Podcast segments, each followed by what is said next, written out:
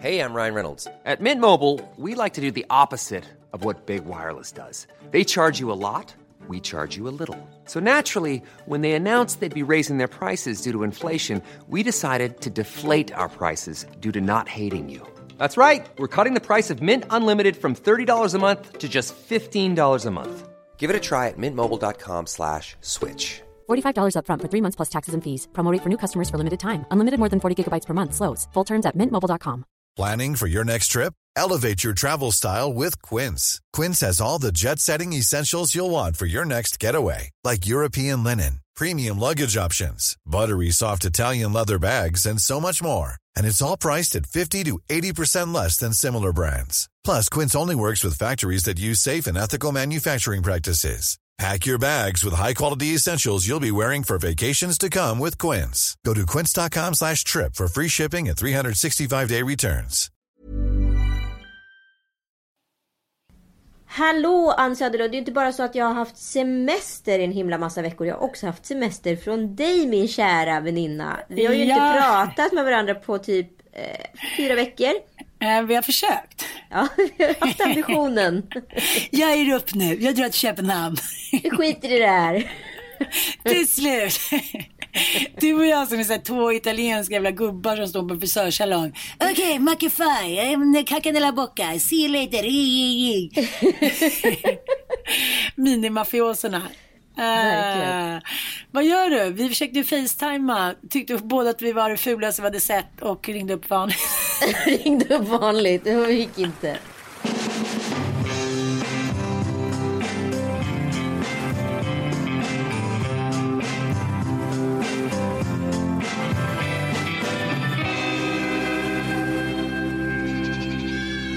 Jag var ute och sprungit här på morgonen och är så jävla svullen utav det här sjuka, sjuka vädret. Jag ser att mina fingrar är uppsvällda, mina tår, alltså allt.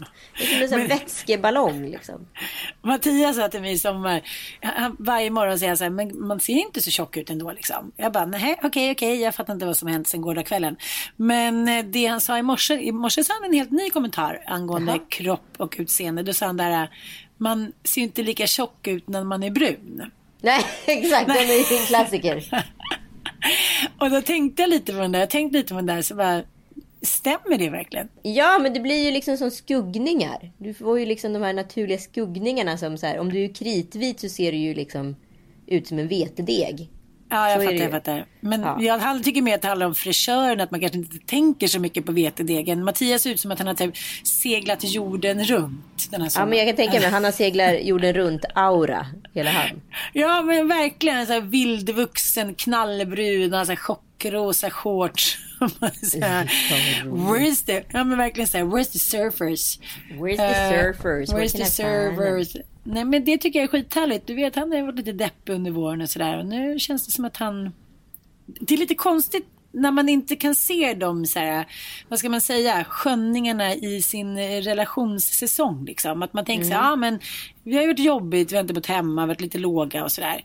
Och sen så är plötsligt så tittar man på den andra människan när man är på en middag eller någonstans. Så här, men gud alla skrattar, men gud är han rolig?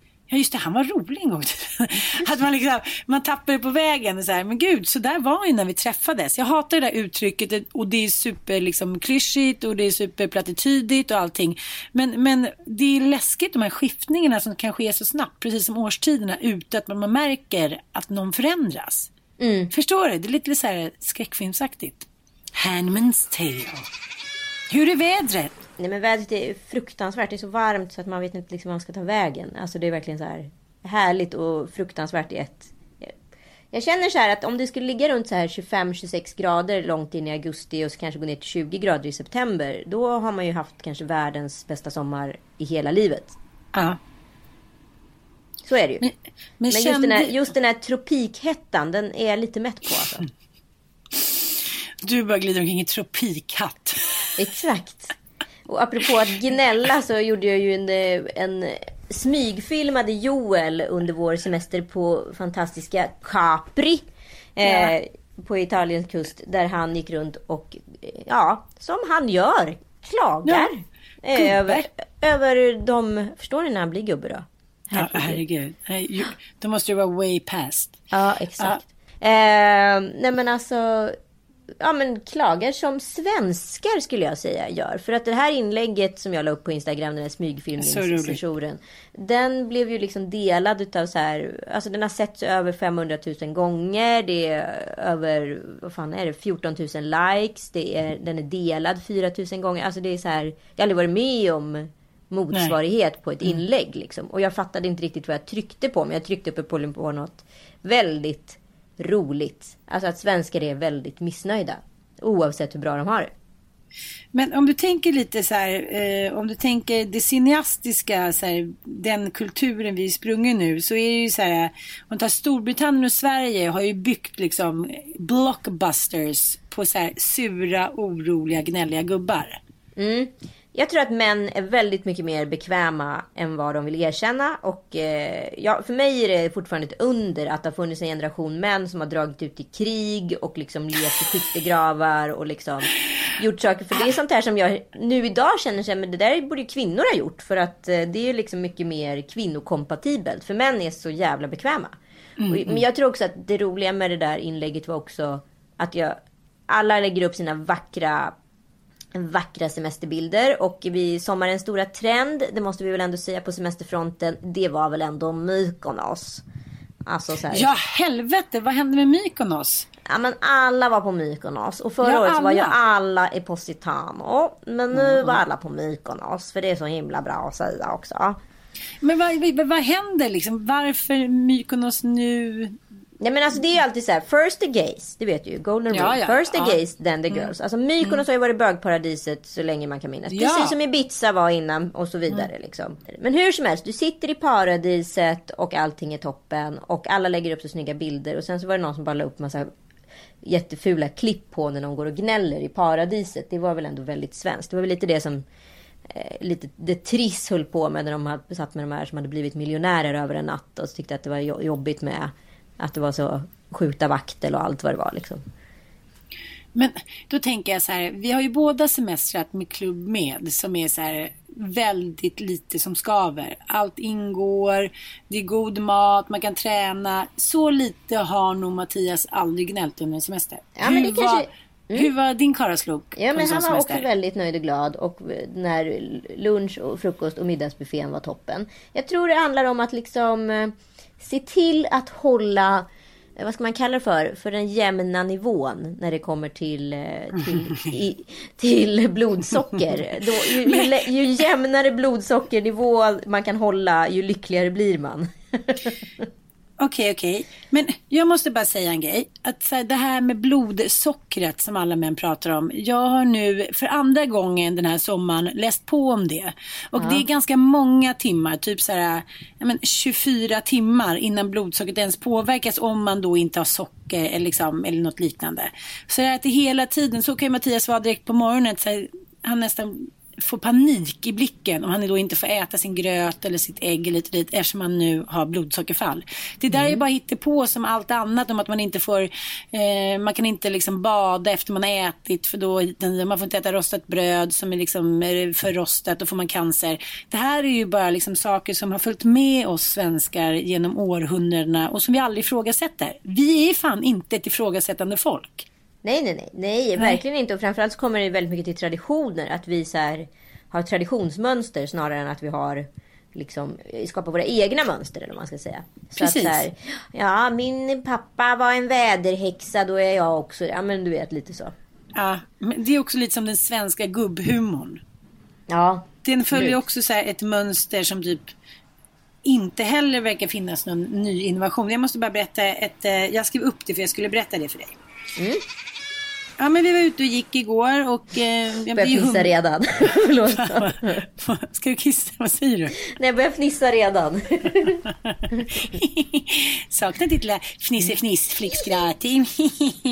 ja, men vi går ner här på kvällspromenad, Sverigesarna här. För att jag och Mattias ska då ha så här, lite carte blanche och vara ute lite och sova hos kompisar i Visby och åka iväg och se på GES och så. Här. Så vi har nu tre kvällar den här veckan där de är här. Mm. Ja, men det är trevligt, lite så här ungdomligt. Men eh, ja, igår då så hade vi en hemmakväll och vi hade käkat lite räkor här hemma och sen skulle vi ta en liten promenad och det är hundar överallt nere i Valleviken. Mm. Och så träffade vi någon, någon hund som heter Frans och det var jättekul hit och dit. Bla bla bla bla bla.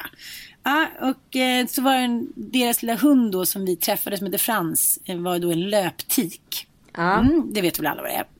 Och eh, jag började prata lite, han kom från, eh, de skulle börja prata dialekter, det gillar ju gamla människor att prata om. Så här, ja, för jag kommer från Linköping, var kommer du ifrån? Och så, så här, jada, jada, jada. Och sen så började den där lilla hunden skrika. Det där, "Oh, au!" Och då berättar då eh, ägaren så här, ja när det är en löptik i närheten då skriker han liksom. Men det gör väl vi med? När det kommer det någon i närheten. Så här, ha ha ha ha ha, sexistiskt, jättekul. Eh, vet du vad svärfar säger då? Nej, vill jag veta. Ja, jag kanske inte kan berätta det här. Men så snabbt. Ja, men inte när frugan är med. Och så skrattar alla. Och jag är så här, oj, det vände sig så mycket i magen. Och, eh, ja, men förstår, Det är, så, det är så mycket pappa farbrors humor så att så här. jo, men jag tycker det var Som så flickan befriande. sa, humor. Ja, precis, sa flickan. Liksom att allting går ut på att så här, män vill sätta på oss, men inte när vi liksom har hamnat i boet. Typ. Alltså, förstår du vad jag vi, menar? När vi inte, ja precis. När vi har fått Ja. barn så är vi unfuckable. Men så tycker jag det är så jävla roligt. För en tjejkompis, en gemensam tjejkompis till oss har ju en svärfar som är så här, ja men han har alltid varit chef, han är väldigt dominant, han är så här brusig och lite sexistisk. Och sen så eh, efter metoo när han skulle dra någon skämt i vanlig ordning om någon med stora brön eller hit och dit, och vad det var, då sa hon ifrån, jag tycker inte det där är roligt. Och helvete vilken bomb det var som föll typ i Genesarets sjö. Det var bara så här, typ som, ett, ja, men du vet, som på film. En hel kör stannar av typ för att någon harklar sig. Man bara så här, ta en tulo typ. Och det, jag tror att det där är så himla liksom signifikant att så här, egentligen behöver man bara säga till en gång. Och sen behöver man aldrig mer säga till. Men det är just den där första gången när man ska så här, kasta stenen från generationer tillbaka. Det är svårt, som med vilket medberoende som helst. Du blir Ja, ja. medberoende till Joel under sommaren och jag blir det till Mattias, till alla jävla ungar och hit och dit. Det bara man- finns där. Ja men man är väl medberoende till allt möjligt utan att man vet om det liksom. Så är det ju. Vissa saker har man ju bara mönster till. Ja, jag vet. Men berätta någonting du har varit medberoende till med Joel i sommar. Som du säger, istället för att säga, men vad fan skärp till dig. Så bara, ja, hehehe. Nej men det är väl det där, alltså jag var ju medberoende till gnället för att det bara pågår. Eh, Ja. ända fram till man själv börjar så här. Är han inte lite gnällig? Ja, men kan inte du spela upp, vi spelar upp ett par här. F- Finns det något ljud på? Nej, det är bara bild, eller hur? Nej det är ju. Är det så? Jag har alldeles för mycket. Jag kommer bli förkyld. Gränkänning. Massor med bilar. Droppar underifrån. Jag är inte speciellt förtjust i ödlor alltså. Så. Äckliga. Det är ändå helt sjukt. Du, En buss bara kan gå en gång i halvtimmen. Så, så jag sov, nej jag sov så jävla dåligt den här. Oj då. Sluga kvinnorna. Man har Vadå? gnida av pizza. Vad sa du? Det kliar fan i halsen när jag andas ut. Extremt dålig i magen. Alltså. Känn på min rygg. En dyngsur.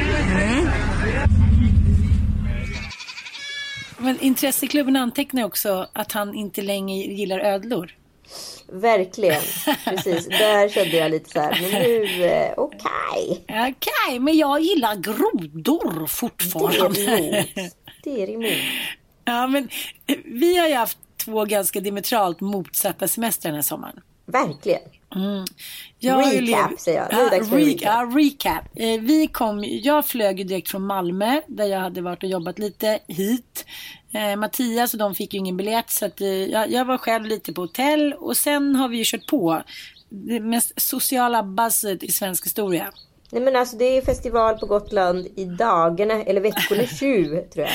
Ja, det var väldigt det- roligt att kolla på dessa Insta-stories med vinluncher och filmer och partyn och sena nätter och Sigge och Malin ligger och sover och du är kvar på festar hemma hos dem. Och, ja, där. du är ju världens yngsta eh, 46-åring. Ja, det måste man fan ge mig. Jag Ja. är stark älskling, jag är stark. Ja, du är fan stark på det där. Ja, Alltså. ja det är jag. Det är Impad. så här, ja, och jag kör på. Det är inga bakisgnäll eller liksom, nej, jag är lite som en kackerlacka. Mm. Ja, Det är mitt, det är mitt namn. The Cockroach. The cockroach. Jag, jag bär det med stolthet. Nej, men det har varit väldigt socialt. Men det som har varit härligt har varit att eh, vi har inte hållit på och renoverat någonting här hemma. Vad fan, är det sant? Ja, ingenting överhuvudtaget. Ingenting har gått sönder som för alla andra som var så här, värmepumpen gick sönder, pooler, eh, vi har inte åsamkat och sånt, vi har ingen pool, vi har ingenting som egentligen liksom Ja, det är brunnen som är för liten så att man liksom inte kan duscha så himla länge eller bada i sitt härliga badkar. Så, där har vi inte haft något skav. Sen är det ju alltid att man lever över sina tillgångar och bara jaha, är pengarna slut? Okej, eh, måste snabbfakturera lite. Vilket är frilanslivets liksom, ja, både blessing and curse. Men eh, eh, nej, jag vet inte. Det har liksom, barnen har skött sig. De började bråka nu här när vi skulle köra dem in, eller jag skulle köra dem in till båten. Första gången de bråkade och då var det i och för sig en riktig rallarsvingtävling i bilen när man sitter så här. Okej, hoppas vi överlever, hoppas jag kan köra bilen och så sitter man och så här. Nej, men du Är de vet inte så för mycket gamla nu? Är de inte för gamla? Men de är så här 12, 14 och 16 just nu. Ja, okej, det kanske är värst. Du kan ju tänka dig hormonerna liksom. Mm. Och Ossian har ju också tagit sig an liksom en uppfostrande roll. Mm. Ja, och tycker så här, visa respekt för mamma, ditten och datten. Och då börjar de retas och sen bara... Pff, du vet, det var skor som liksom ven. Det var knytnävar som... Alltså, det var som galenskap. Så att jag kom fram och så här... Alltså jag, jag kunde inte ens lägga mig i det. Jag kände så här, jag är så utanför det här. Det är lite jag som så här, en så här superhjälte ska börja med, så här, börja med Oscar eller någonting. Men så här, okej, jag står bara här och hoppas att så här, han missar mig. Så kände jag lite. Åh. Ah, herregud, så mycket män. De äter ju så mycket också. Alltså det börjar bli dyrt att ha de här barnen. Nu börjar de bli dyra. Ja, men det är ju det. Liksom, folk fattar inte att barn kostar ganska mycket pengar. Men vuxna kostar också pengar. Och det kan vi prata lite om. Att man eh, generellt då lever lite över sina tillgångar den här sommaren. För det kan ju inte vara billigt att hålla hov, Ann Söderlund. Nej, men, nej, men man ska också vara så man kollar på din Insta så här, gud vad de gör med mycket pengar, hej hu. Så tänker man så här, det blir ju samma här. Med Ja! gäster och middagar Jag, jag lovar att jag har gjort av med mindre pengar än vad du har gjort av med den här sommaren. Tror du det? Ja. Men du har ju bara två barn älskling. Ja, ja. Men eh, jag tror ändå att jag har gjort av med mindre pengar än vad du har. Jag har ändå rest glamoröst om man säger så. Ja, ja, det kan vi lugnt säga. Eh, ja, men vi får väl göra en liten överslagsräkning. Men sen är det också så här, du vet att när den ena barnet steppar tillbaka lite, för oss har ni haft någon kompis här i två veckor. Då steppar andra fram och uttrycker behov för att då finns det lite utrymme. Och nu har Elon, nu vill han ju bara ha nya märkeskläder och bla bla bla. Och så känner jag så här, när han väl uttrycker ett behov, då kan jag inte säga nej. Så var jag såhär, okej hur gör vi nu? Betala den räkningen eller åka in och köpa nya kläder till honom? Okej, vi köper nya kläder till honom. Alltså det blir, ja, jag vet inte. Det, det är svårt med alla pöjkare tycker jag. Det är liksom, man vill ju ge dem allt och sen så alla som också är runt omkring som man umgås med har mer pengar. Men du har ju suttit liksom på eh, middagar och luncher med allt ifrån liksom miljonärer. Och då Mm. blir man ju liksom lite skadad utav stunden. För det värsta som skulle kunna hända är ju skammen av att säga att man inte har råd. I sådana Ja. sammanhang. Ja, så att då låtsas ju du också vara miljonär. Så du är lite så här, vad ska man säga, känslomässigt kidnappad miljardärska. Ja. Nej men så är det och då tänker man så här, gud vi är också där. Vi vill också vara med hitan och ditan liksom. Men det är som en mikropsykos att du är miljonär. Precis. Ja, men precis. Men, men sen är det ju så att alla lever ju över sina tillgångar. Det är Så inte så att alla jag umgås med så här, liksom har hur mycket pengar som helst. Utan, men alla vill ändå vara med för det är sommar och det är härligt. Man orkar inte laga mat och man vill att alla ska få komma hit. Och man vill vara bjussig hit och dit. Och så ser plötsligt sitter man där med sin lilla, kollar i sin lilla mysse och bysse och har liksom en liten guldkrona där nere som skrapar ihåligt mot botten. Eh, Okej, nu måste jag så här, ta tag i det här. Men jag, jag vet inte, jag tänker lite på mitt liv här på Gotland. Nu har jag ändå varit här typ varje sommar i 12 år. Jag tycker alltid att det följer samma mönster. Sen när jag var ihop med mitt ex, då ringde vi till hans mamma och lånade pengar till liksom någon hyra. Och nu är det lite så, måste snabbfakturera. Och jag vet inte, det är så här, det är väl bara så sommaren är. Man så här, orkar inte riktigt leva upp till förväntningen att vara så här, en ordentlig samhällsmedborgare. Eller? Men jag har ju levt lite likadant fast på ett helt annat sätt. Alltså jag har ju liksom laddat stenhårt för den här sommaren. Jag älskar ju att åka på de här semestrarna. Alltså vi har ju också, nu var det väl sjunde året i rad tror jag. Vi var i Turkiet. Eh, med ungarna liksom och det var ju supertoppen som vanligt. Eh, och alla är där och det är jätteroligt och härligt socialt. Och där är det faktiskt bra för Turkiet är ju väldigt billigt. Men du behöver inte liksom, ja man bränner inte ihjäl sig ekonomiskt liksom. Och sen så åkte vi på en väldigt lyxig resa till Italien, jag och Joel. Och då bor ju vi på väldigt fina hotell när vi är där. Utan barnen? Utan barnen får man unna sig. Nej men många av de där hotellen är ju inte superbarnvänliga heller. Så Nej. de har ju inte kul där. Så att det är ju, ja, it goes two ways. Ni fattar. Ehm, men då är det ju också så att man liksom lånar, alltså att man blir mikropsykotisk eh, liksom miljonär. För att jag, Det är klart. Ja men det är väl klart för att du vill ju spela spelet när du bor på de där hotellen och låtsas att du är lika fancy pansy som alla andra människor som är på hotellet. Som har råd att bo där i flera månader, veckor, år eller vad det nu är och äta de där middagarna, kolla på den där menyn och inte kolla på priser utan bara kolla på rätter. Det sen så bara- syns inte ens i kassan. Nej, exakt. För dem är det bara som så här, iko. Alltså det händer ingenting. Liksom. Men för mig är det verkligen, jag hör ju hur mina slantar hamnar längst ner i brunnen med hårda klirr. Liksom. Men, men tycker inte du att den där liksom, lite psykotiska känslan att man så här, hade man varit i stan och eh, man känner så här, okej pengarna håller på att ta slut eller gud vad vi har bränt mycket pengar lite dit. Då hade man ju så här, mått så psykiskt mycket sämre. Men nu när vi lever i liksom vårt paradis, nu sitter jag här och kollar ut på två tanter som går förbi med några roliga hattar. Jag har min älsklingspil utanför fönstret. Där är hängmattan. Där är gärdsgård. Det är liksom, jag bor ju just nu i en hittepåvärld.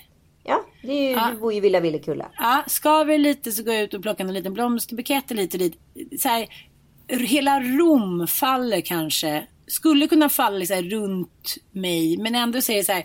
Det är sommar, det löser sig. Och jag vet inte, jag tycker det är ganska fint.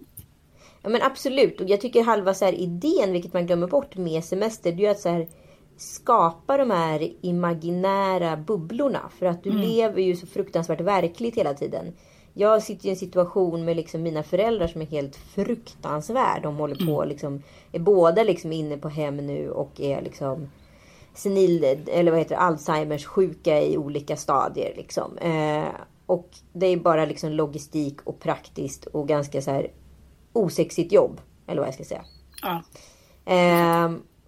Nej men och då måste man ju få flykten. Den blir ju viktigare ju, ju, mer, ju mer verklighet man har runt omkring sig. Ju, ju, ju viktigare blir ju också flykten. Men det är det jag menar. Så här, vad är skillnaden mellan att vara inne i en så här, bubble, bubble eller att det är en flykt? För ibland kan ju flykten vara desperat. Att man, är så här, man lever Ibland i är flykten förnekelse. destruktiv. Ja, precis. Precis. Men bubblan tycker jag på något sätt är så här, jag vet inte, säsongsbetonat sund. Ja, alltså om du själv vet att du spelar spelet och inte, Ja. om du inte förstår att du är i bubblan, eller vad jag ska säga. Då är det ju re- rent av farligt. Men vet du att du är i bubblan och att snart så kommer verkligheten tillbaka och allting blir som vanligt igen. Men när du inte liksom längre kan hålla isär begreppen, det är då det blir konstigt liksom. Jag tycker det vore så jävla kul om du och jag och våra karar åkte på semester. Jag vet inte varför. Om vi var på Capri och vi, ni var så här, okej, om en halvtimme är det middag och vi säger okej, vi kommer snart. Åh. Så bara, nej, nu är det snart middag och ni kommer med små hattar och gud vad du ska kostymer. hålla på. Vad du ska hålla på. Alltså, Ja, men jag, jag, jag tycker det är så himla roligt att ligga och tänka på er. Så här, när, när, tar du bilden nu? Hatten sitter lite fel.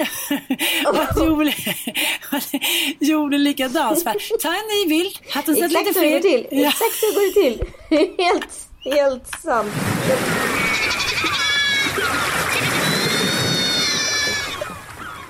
älskar med det, ert voyeurliv, det är just det där att om ingen såg mig och Mattias, då skulle vi liksom bara äntligen, ingen ser oss. Bara, beställ mat på rummet så här. Vi orkar inte gå ut.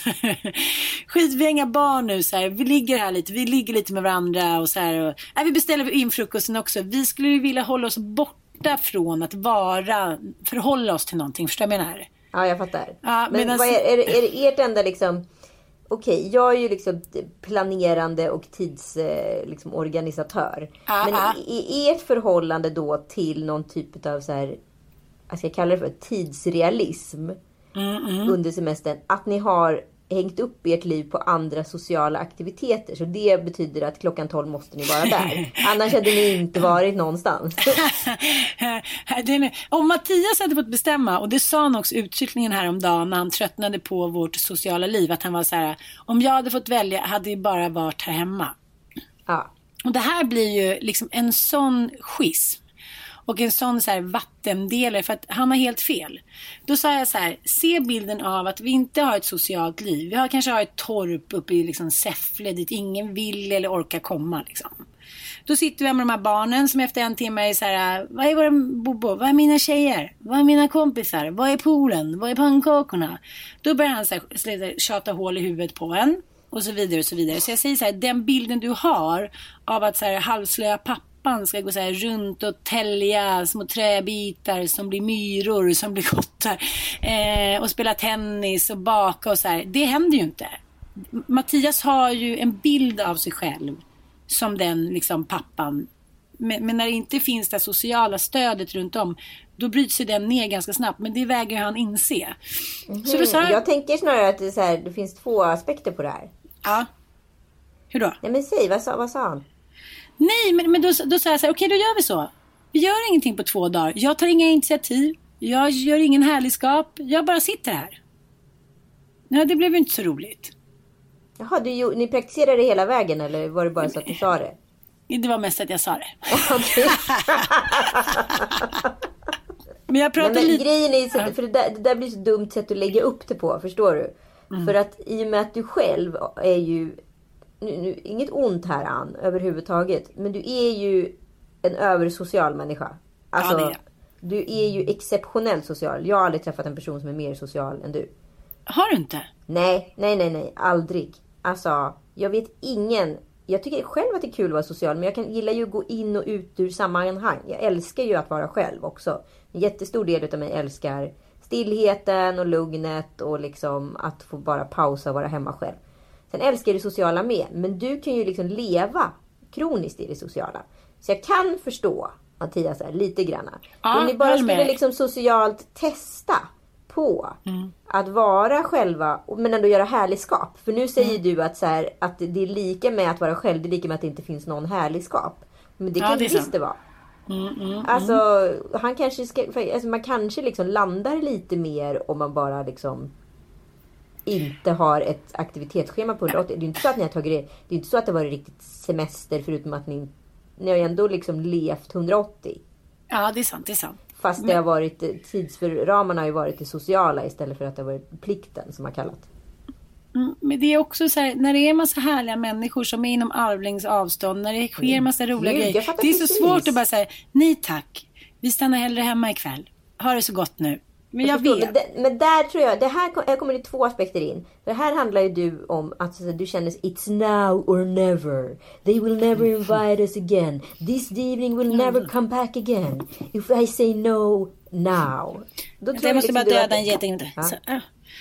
Eller jag skjutsar ut den. Ja, Ja, men då tror ju du att det är så över. Man behöver inte alltid säga ja till allting. Fast jag tycker att det har varit mycket också så här i stunden. Så bara tja, kom förbi och sen har det liksom blivit en längre tur. Så allting har ju inte varit liksom superplanerat.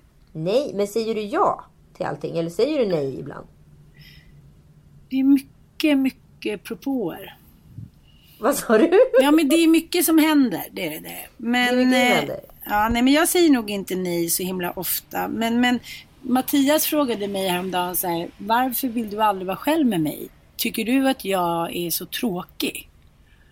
Jag bara, ehm... Ja, men sen så var det något som kom emellan. Du vet någon barn eller någonting som Tuva. Saved by the bell. Men så tänker jag så här.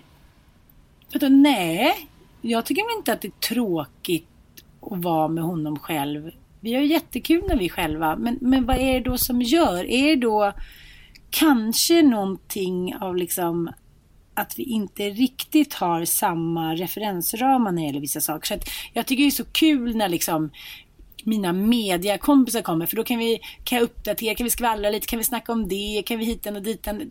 Jag vet inte. Jag har försökt liksom eh, rannsaka mig själv. För det måste ju ligga något i det där att jag aldrig vill vara själv.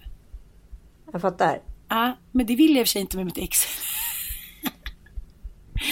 Jo, jo, men jag vill ju vara själv med Mattias. Men då tycker jag så här, men ja, vi åker någonstans eller hit och dit. Nej, jag kanske inte vill det. Usch, vad hemskt. Nej, jag vet inte. Nej, jag fattar. Jag kanske inte tycker att jag får tillräckligt med stimulans om jag är själv med en människa. Om det till exempel inte är du Ramineh men då... Ja, jag vet inte. Jag kanske behöver, så här, när jag väl liksom slipper ur arbetets bojor som är ibland, så har jag så otroligt behov av liksom, social och stimuli och lite Bloomsbury. Jag vill ha alla runt mig, för då mår jag som bäst. Jag fattar, jag fattar. Ja, vi vi är bara extremt olika där. Men jag du skulle ju det- också kunna komma in i det om du var här. Jo men det vet jag att jag gör. Ja. Det vet jag att så här, Kalle kommenterade någon gång i, i så här, Turkiet. Han bara, Vad är, varför ska du vara med på allting hela tiden? Ja. Och jag såg inte riktigt problemet i det. Men det kan jag faktiskt göra idag. För att så här, man skapar ju liksom... Eh, man skapar, alltså man gör familjen på något sätt sekundär. Förstår du vad jag menar? Att, så här, att man är så rädd att hänga med familjen så att så här, det är roligare att så här, hänga med någon annan. Alltså, Ja, jag fattar. kan Jag fattar, åtminstone skapa den auran eller vad jag ska säga. Ja, jo, jag fattar. Men det måste ju kännas jättetråkigt om Mattias känner så. Nej men det vet vi ju inte om han gör. Ja, men han sa ju, han undrar, han har ju frågat flera gånger varför jag inte vill vara själv med honom. Om jag tycker Ja. att han är så tråkig och då har inte jag riktigt svarat. Jag tycker inte att han är det. Men jag vet inte. Jag, jag, måste, jag måste fundera. Jag, jag återkommer kära poddlyssnare. Jag återkommer. Återkom, Ja. återkom. Och ni får också gärna så här, äh, Spekulera i det ja, här. spekulera i det här. Det är ganska tragiskt. Nu när du tänker efter. Nej, men vadå, du vet hur man är i början. Då är det så, här, då är det så mycket med det där, alltså alla feromoner och alla hormoner hit och dit som gör att så här, ja men man skulle kunna liksom vara ihop med en falukorv. För att man är redan, liksom, det är redan över, man är redan såld, det är så här, you had me at hello, man är kär, man vill ha det där fysiska, man åtrår det så mycket. Ja. Men sen när det försvinner, då är det så här, oj, vi kanske var en falukorv och en, så här, inte vet jag, sirapslimpa. Då måste man ju så här, hitta på något nytt för att så här, hitta någonting annat. Och det är kanske det som vi inte har hunnit göra. Liksom. Vi hade ju aldrig någon vi hade ju aldrig liksom någon tid ihop. Jag blev ju på smällen efter en månad och då vet du ju själv vilken sordin som läggs på all sån där stämning på något sätt. Men nu är det ändå så här att våran så här härliga tid här i Vi- Villa Villekulla i Valleviken. Ändå lite roligt att det heter Valleviken. Ja. Den börjar bli till sin ända. Och den har Vallevillan. Varit, Vallevillan, det är roligt älskling. Det är roligt. Vallevillan. Den har varit, tycker jag, så här, väldigt rik och mångfacetterad. Vi har hängt med liksom 75-åriga Bitten och hennes barn här nere. Vi har liksom hängt med den vanliga liksom klustret. Vi, alltså, det har varit, vi har haft massa kompisar här. Det har inte varit, det har varit några Norénkvällar, det har det. Som när jag kommer hem och i stan och Mattias har typ rensat ut hela hemmet med en gemensam kompis och så här, nu gjorde vi det. Och jag blir så här jätteledsen faktiskt. Nej. Jo men det- alltså, det var ju inte så men det kändes lite som så att Mattias kände att jag har fått en bundsförvant. Som det är ordning och reda på. Så nu så här, tar jag bort alla hennes loppisfynd innan hon kommer hem och visar liksom hur härligt vi kan ha det här. Och då blev det lite som att de hade gjort det tillsammans fast det absolut inte var så. Förstår du vad jag menar? Mm, jag fattar. Men Och det var- måste också vara lite extra jobbigt för dig som har ett hoarder-hjärta. Ja, men det, det är klart. Och det blev lite som så här, okej, jag har så här inrett hela det här hemmet. Jag har valt varenda färg, varenda Ja, klinkers hit och dit. Och så, så bara, okej, eh, ni bajsade lite på Kerstin Thorvald som ligger i graven. Nej, jag vet inte. Det blir som att jag kände att jag blev så här crazy makead. Fast det var inget mycket. Det var så här, lite leksaker, något litet bord, bla bla. Och det är ju inne igen liksom. Vad är crazy makead? Jag har alltid undrat det. Crazy making är när man inte egentligen har gjort något fel på pappret men samhället har bestämt att eftersom du är kvinna, eller eftersom du är minoritet, eftersom du är ditten i datten så blir du galen. Per definition. Det, det är min tolkning. Jag vet inte. Absolut. Ja. Nej men det låter bra. Ja. Så när blev du crazy makead? Du kände dig crazy makead när de hade rensat ut ditt hem? Som du hade Nej, byggt det var ju. Mattias som hade gjort det. Ja. Liksom, det var inte mycket, förstår du? Så här, barnens leksak som stod i köket, jag blev uttagen hit och dit. Men sen så fick jag upprättelse. För två dagar senare säger Mattias så här, eh, det kanske var en bra tanke det här, men eh, vad ska vi ha leksakerna då? Ska de vara ute i uthuset då eller? Och eh, om vi inte har den där korgen för ved, då blir det väldigt jobbigt. Då ska jag då gå ut i... Så att jag fick någon form av upprättelse. Men jag blev väldigt, väldigt liksom, jag blev väldigt förvånad över hur liten, sårbar, ledsen och utsatt jag kände mig. fattar. Först, först var jag så här, men gud, jag kan inte älska den här lilla loppisfyndet så mycket att jag typ hela min så här bild av vem och vad jag är liksom går isär. Det kan inte vara att man sänker mig så lätt. Men så tänkte jag på en grej, det som du och jag också har pratat om förut, att så här, när vi står ensamma så står vi ensamma utan blodsband. Mm, Förstår sant. du? Ja. Och då sliter man som ett jävla djur för det här huset. Man så här, ja men man gör kanske liksom lite jobb som man inte vill göra. Man, eh, ursäkta uttrycket, man så här horar loss lite. Man hit och dit för att man vill ha ett sammanhang och en tradition för sina barn och för sig själv. För att man känner sig rotlös och ensam. Och då när han liksom gjorde det här, även fast han får också göra det lika mycket i hans hus. Han får få ta ut en jävla loppisfynd om han vill. Det handlar ju inte om det. Det handlade om ett, att jag förmodligen tycker att det här huset är lite mer mitt. Eftersom jag har inrett det och valt all färg och kök och bla bla bla.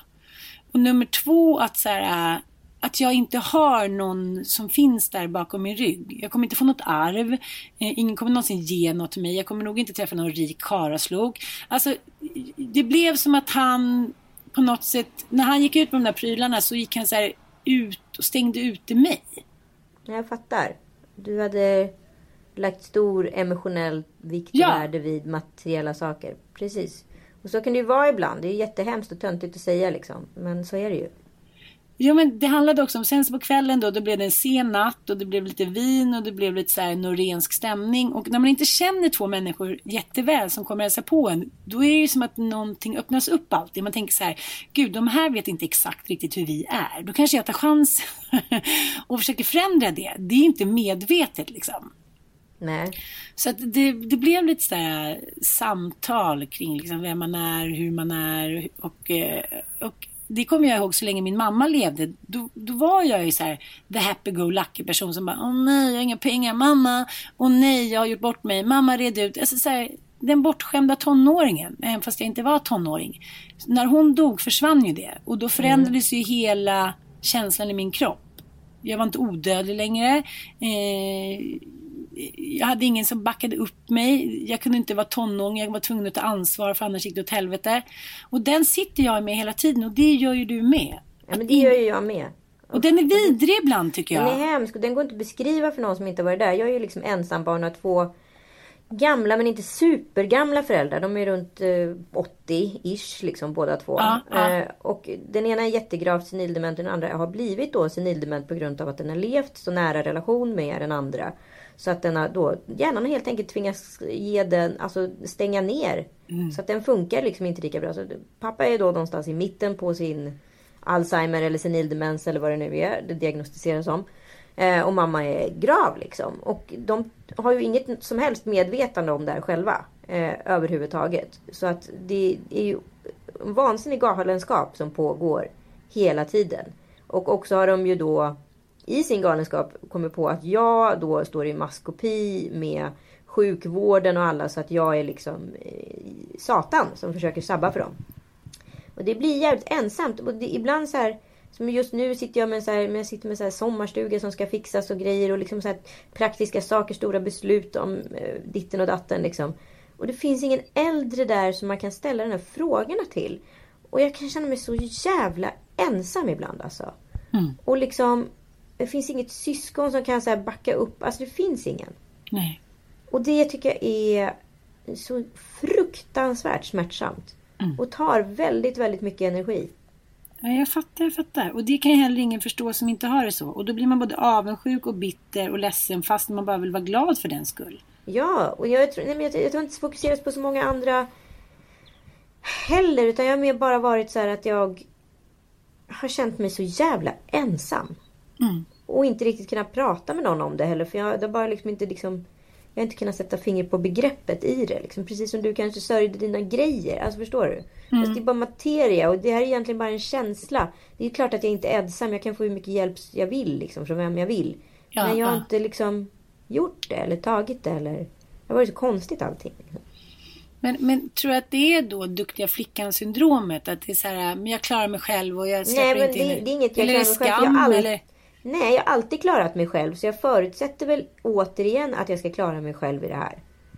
Men här blir det liksom känslomässigt som att slungas tillbaka till någonting hela tiden som man inte liksom riktigt vill vara en del av. Man önskar ju någon gång att sina föräldrar kunde bara liksom vakna upp ur denna psykos, eller vad jag ska kalla det för. Och bara säga så här, men gud vad knäppa huvudet vi är. Herregud, det är klart det är inte några problem. Alltså, du förstår vad jag menar. Ja, jag men de gör ju inte det, utan så här, det, det tar liksom aldrig slut. Så det är en ganska plågsam anhörig sjukdom, måste jag säga. Jo, absolut. Och som jag tycker det talas väldigt tyst om. Mm. Mm. Och jag tycker man kan se den liksom även när människor blir äldre. Att det bara är så här, om den ena då är lite piggare, vilket det måste alltid liksom visa sig så när man blir äldre. Att så här, en klarar sig lite bättre och en lite sämre. Det är med allting, det, det är så balansen är. Ah, Man kan inte vara exakt perfekt samtidigt. Nej. Och den irritationen då som man kan se hos äldre på sin partner när den inte liksom är fly direkt. Och jag kan förstå den. Det är som jag kan bli irriterad på min pappa. Jag bara, men det fattar du väl? Så bara, nej men han kanske inte gör det. Nej men alltså, du förstår inte liksom att, att vara med min mamma, hon är i det tillståndet hon är, vilket hon är. Hon är jättesvårt sjuk i den här sjukdomen. Jag har en toleransnivå att klara av att hantera henne i ungefär 40 minuter. Sen går det liksom inte att vara kvar hemma hos dem längre. Nej. För att så påfrestande är det. Man liksom, det, det är som att vara i en kronisk panikångestattack. Liksom. Eh, och att då som pappa bo och verka med henne i tio år, näst, som det, jag tror hon har varit sjuk i. Eh, då måste nog hjärnan stänga av för att kunna hantera. För att det går inte annars. Så han, hon har ju en genetisk sjukdom, för mormor har ju, hade exakt samma. Men i hans fall så finns det ingen genetik i det, utan då är det egentligen ett direkt, vad ska man kalla det för, ett medberoende. Som, Som har satt sig på hjärnan. som har satt sig på hjärnan och då måste hjärnan göra vad hjärnan måste för att överleva. Jo, det är att här, stänga ner. Liksom. Mm. Så han har utvecklat det genom att leva med henne. Och det Gud, pratar det man är inte heller så mycket om. galet. Nej. Liksom, det är klart att det, här, när du berättar det för mig så framstår Det är det som... superlogiskt. Superlogiskt. Man bara, det är klart att det blir så. Det vet man ju själv. Det är som när man betalar, liksom, pratar med barn. Det är ju därför barn och gamlingar älskar varandra. Som du pratade om förut, får sånt... Jag men, de får sånt utbyte av varandra. Man tänker så här, jaha. För att det Ja, är så här, början av livet och slutet av livet. Då är man ju som ett barn. Ja. Och gamla människor älskar ju, nu, nu, nu älskar ju inte liksom, alltså nu pratar vi inte om Alzheimers eller sådana saker. Men gamla människor, alltså kommer du över 60 plus. Alltså nu är jag hård här. Ja, nu är jag 65. Okej, Ja. men kommer du över 65. Då börjar du upprepa saker och ting. Du har inga problem med att berätta samma historia tre, fyra gånger. Och du kan också berätta den nästa gång man är på besök. Eller nästa gång igen. Eller liksom bara maniskt säger en, två, tre gånger till vid besöket. Och för mig är det så chockartat att de själva inte har någon typ av så här koll på det här. Men så funkar ju också barn. De vill ju höra samma historia om och om och om igen. Och- Och här har vi hittat den perfekta ekvationen. För här finns det två tjatiga jävlar helt enkelt. Så, och, så därför funkar det så extra bra mellan barn och gamla. Men apropå andra så här sommartrauman. Ja, ja. Utav lite lättare kaliber. Mm. Nu måste få skratta lite. Ja, Ja. det är väl ändå badtjatet. Nu lät det som Sigge. Det är väl ändå badtjatet. Jaha, det var Ja. inte meningen. Nej, Eh, det var... Men det är ju detta badtjat. Alltså jag är en person som är en kruka. Jag tycker om att bada om det finns ett syfte. Antingen att jag är för varm så jag måste svalka mig utav just det syftet. Det är för varmt. Jag måste bada. Eller så tycker jag om att bada för att jag ska dyka och upptäcka någonting under vattnet. Eller för att jag kanske bara vill dyka för jag älskar att dyka i vatten. Eh, Det är också Jag älskar att dyka i vatten. Nej, fuck you. Ja, men... ja, men jag älskar att dyka. Alltså, jag älskar att hoppa i och bara dyka med huvudet för. Och det är en sån här rus som går genom kroppen. Ja, men jag, fattar. Jo, men det är Ja. så roligt. Jag älskar att dyka i vatten. Jag är inte i champagne eller ler. Nej, nej, nej, nej. inte, Ja, inte ja. idag. Inte idag. Nej. Eh, nej, men, och sen så då de här människorna som runt omkring en. nu har jag också en snubbe som då älskar att bada. Han älskar att bada utan anledning. Alltså så här, han kan bada och bada och bada. Och vill inte jag bada, vet du vad jag då? Då får jag sitta på kanten. När han badar. Nej men sluta, det är inte din son. Nej. Eller? Ish, I don't know. Nej, men alltså hur som helst. Jag bara så här, och det här har pågått nu, alltså inte bara från hans sida, utan under hela sommaren har Ja. människor jag umgåtts med, on and off, tjatat på mig. Ska du inte hoppa i då? Kan du inte bara bada? Kan vi inte bada lite? Det är väl lika roligt att umgås i vatten som utanför vatten? Varför måste jag vara med i vatten? Det är Ja. ingenting som sker i samtalet. Du jämför lite med sen när man är gravid eller när man tar en vit månad så alla börjar säga men gud kan du inte ta ett glas, det påverkar väl inte, bla bla. Så är det för dig med badet. Ja, och jag hatar skiten. Jag vill bada när jag själv måste bada och har en anledning. Jag vill inte bli tjatad på att badas. Jag behöver inte tvaga mig hela tiden. Jag behöver inte vara blöt. Dessutom får man blöta då badkläder och då ska det torka och det är ganska obehagligt tycker jag. Liksom. Ugh. Du vill bara ligga och grillas i din hatt. Nej, jag vill inte grillas. Jag tycker inte om sol heller. Så jag vill ligga under ett parasoll och så vill jag läsa en bok. Jag vill att det ska vara varmt, att det ska, vill att det ska fläkta. Och när det är tillräckligt varmt, ja, då hoppar jag i plurret. Inte så mycket mer med det. Men gud vad intressant. Men jag tycker du har ju berättat lite vidare om så här, att du ska sitta med när Joel eh, kollar på fotboll. Du ska bada med. Han är, Eh, väldigt, han är väldigt kollektiv i sitt, i sitt umgänge kan man väl säga. med dig eller? Ja men alltså så här, ska, vi ska gå och handla tillsammans. Alltså, Ja. Åh, jag hatar sånt. Nej, Jag alltså, älskar det- att handla själv. Ja, jag, jag tycker ju jag tycker generellt plågsamt att. Jag tycker i och för sig att det är härligt att vara på ICA ihop. Liksom, det kan jag verkligen tycka. Ja, men, men, liksom, men liksom. Den här kollektivismen är, tycker jag, lite utmanande verkligen. När jag var 28 som Annie, då hade jag ju inte ens fått mitt första barn och jag var gravid och bla bla. Och då tyckte jag, för mig var det så otroligt viktigt att vi skulle göra allting tillsammans. Mm. Och det märker jag också skillnad mellan mig och Mattias. Han tycker också att det är viktigt att vi ska göra grejer tillsammans. Jag så här, men jag och Anita kan väl åka tre veckor till lite så här Honolulu. Jag skulle ju inte lida då. Jag skulle ju längta och så här. Men jag har redan gjort upp med den där romantiska saknaden. Den, eller känslan av att man inte kan leva utan den andras andetag och så här. Den hade jag även gjort upp med när jag blev nyförälskad i Mattias. För även om jag längtade efter honom. Och jag jag är liksom inte riktigt sen gymnasiet varit en sån där som är såhär, jag kan inte andas utan dig och hit och dit. Utan jag, jag var det med någon kille på gymnasiet. Så tänkte jag såhär, det här var ju väldigt kontraproduktivt och destruktivt. Så att, då kan man ge liksom järnet och gå all in när man väl är med den personen. Men det, det verkar inte hjälpa så mycket att, säga, att vara ingen utan den personen. Nej, nej men och den tror inte jag på liksom generellt alls. Och Eh, den måste men- man komma till insikt om. Och det kanske man inte har gjort när man är i sitt första långa förhållande. Eller jag vet inte. Nej, nej men det, det är mycket möjligt att det kan vara så. Men liksom samtidigt så har vi varit ifrån varandra i tio dagar och sådär. Och det har inte varit några problem överhuvudtaget. Men jag tror liksom att det är den här känslan att inte kunna se separerat. Så här, ja, nu är vi tillsammans och vi båda hemma samtidigt. Då måste vi också göra allting kollektivt ihop. Och här handlar det också om att jag går in i någon form av mikromedberoende och också gör det. För jag kan ju också ta ett beslut och säga så här. Nej, det vill jag inte. Alltså, Ja, ja, det är sant. Gud, förlåt om jag är lite lågt ljud, men jag sitter och gömmer mig för eh, postkvinnan. varför då? Nej, men hon, öppna räkningar. nej, nej, men hon har sagt att vi, hon orkar inte att sträcka, gå ut ur bilen och lägga breven eh, i dörr. Så att hon vill att vi ska byta då, flytta upp vår postlåda till det kollektiva postmedvetandet 150 meter upp. Ja, men eh, lite avslutningsvis här i vår, tycker jag, rätt härliga sommarpodd. Verkligen. Jag längtar tills jag får se dig på riktigt Ann. Jag längtar så otroligt mycket efter dig. Ja, jag Det är är- kärlekskänslor i min kropp. Jag, jag kände också så här, när jag hörde din röst så började jag skratta lite så här, tonårsaktigt så här hihi. Nu vill jag bara skratta även fast jag inte tyckte att det var roligt vissa grejer. Så vill jag bara... Bara för att få ut det ur systemet. Man kan ju också vara en sån surkärring på sommaren. Alltså. Ah, ja, hur som helst. Aj, Aj, aj. Imorgon ska vi då ett, eh, ganska stort litet gäng på GES. Eh, Glenmark Eriksson Strömstedt. Jag är ett stort fan av eh, Glenmark. Ja, Och har ju varit ledsen för att han liksom, "Ah, blommor i ditt hår. Ska vi lyssna lite på några av hans gamla slagdängor? några och herregud. Nej, men, ja. ja, men vi gör lite potpurri.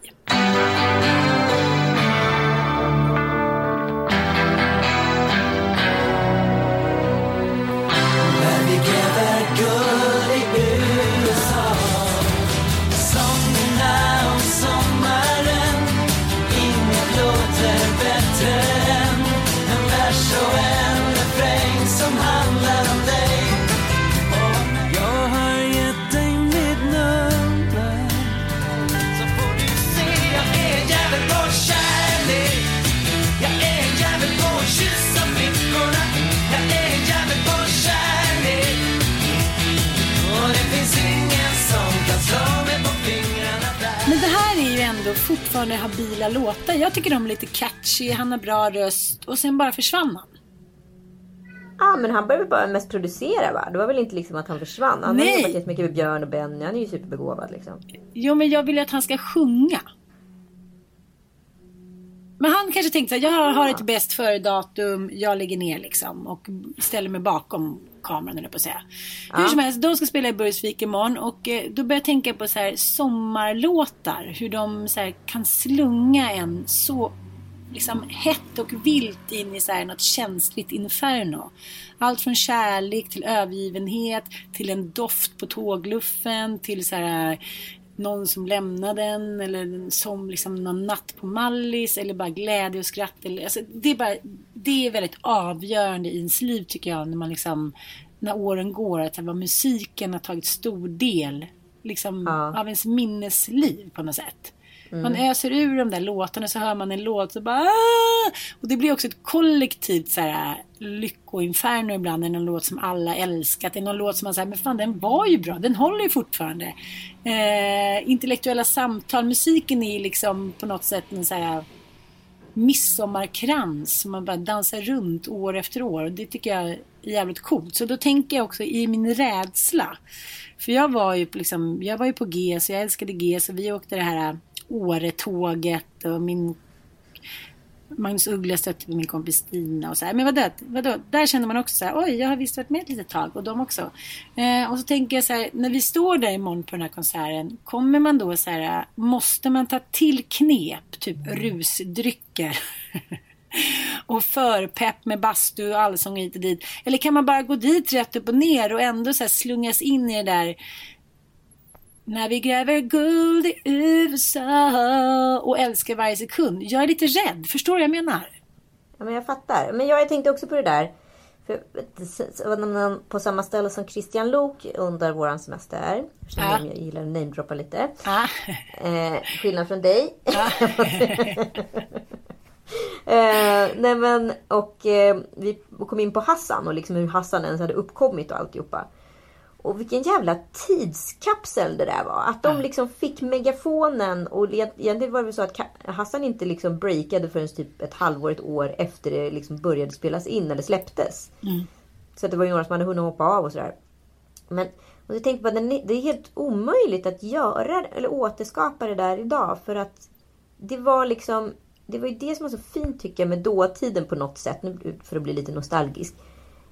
Att det fanns bara det. Det fanns inget annat. Idag hade ju Anders Glenmark funnits i liksom tio upplagor. För att det hade funnits andra personer på Youtube eller på Spotify som skulle gjort den där låten med lite annan version och så vidare.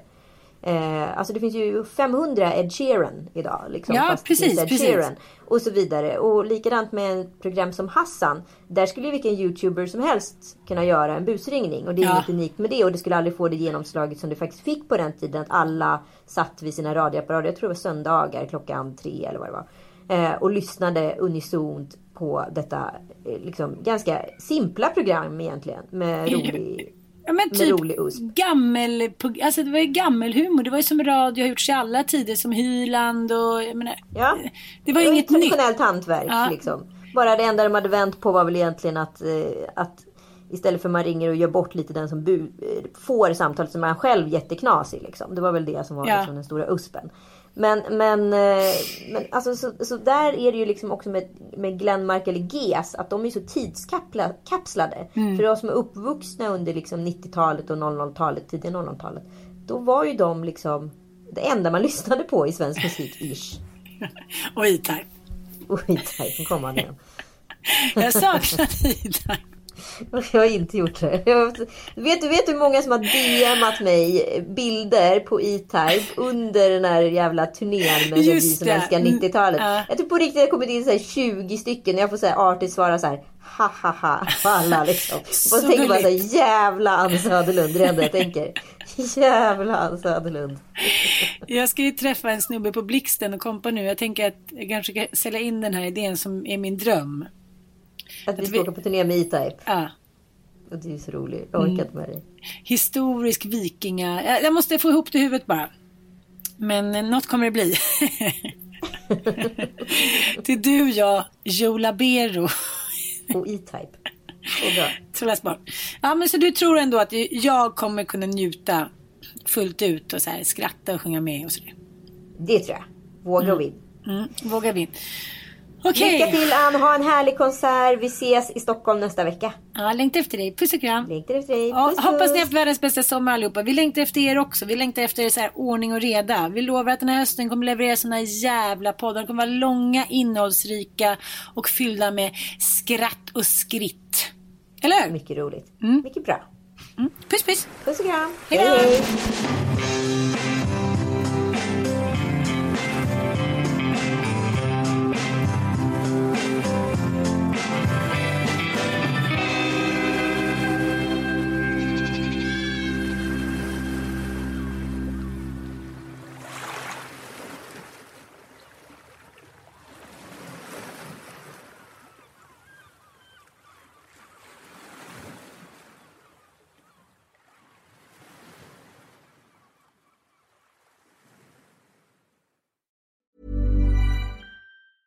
Even when we're on a budget, we still deserve nice things. Quince is a place to scoop up stunning high-end goods for 50 to 80% less than similar brands. They have buttery soft cashmere sweaters starting at $50, luxurious Italian leather bags, and so much more. Plus, Quince only works with factories that use safe, ethical, and responsible manufacturing. Get the high-end goods you'll love without the high price tag with Quince. Go to quince.com slash style for free shipping and 365-day returns. Imagine the softest sheets you've ever felt. Now imagine them getting even softer over time. That's what you'll feel with Bowl and Branch's organic cotton sheets. In a recent customer survey, 96% replied that Bowl and Branch sheets get softer with every wash. Start getting your best night's sleep in these sheets that get softer and softer for years to come. Try their sheets with a 30-night guarantee. Plus, get 15% off your first order at bowlandbranch.com. Code BUTTERY. Exclusions apply. See site for details.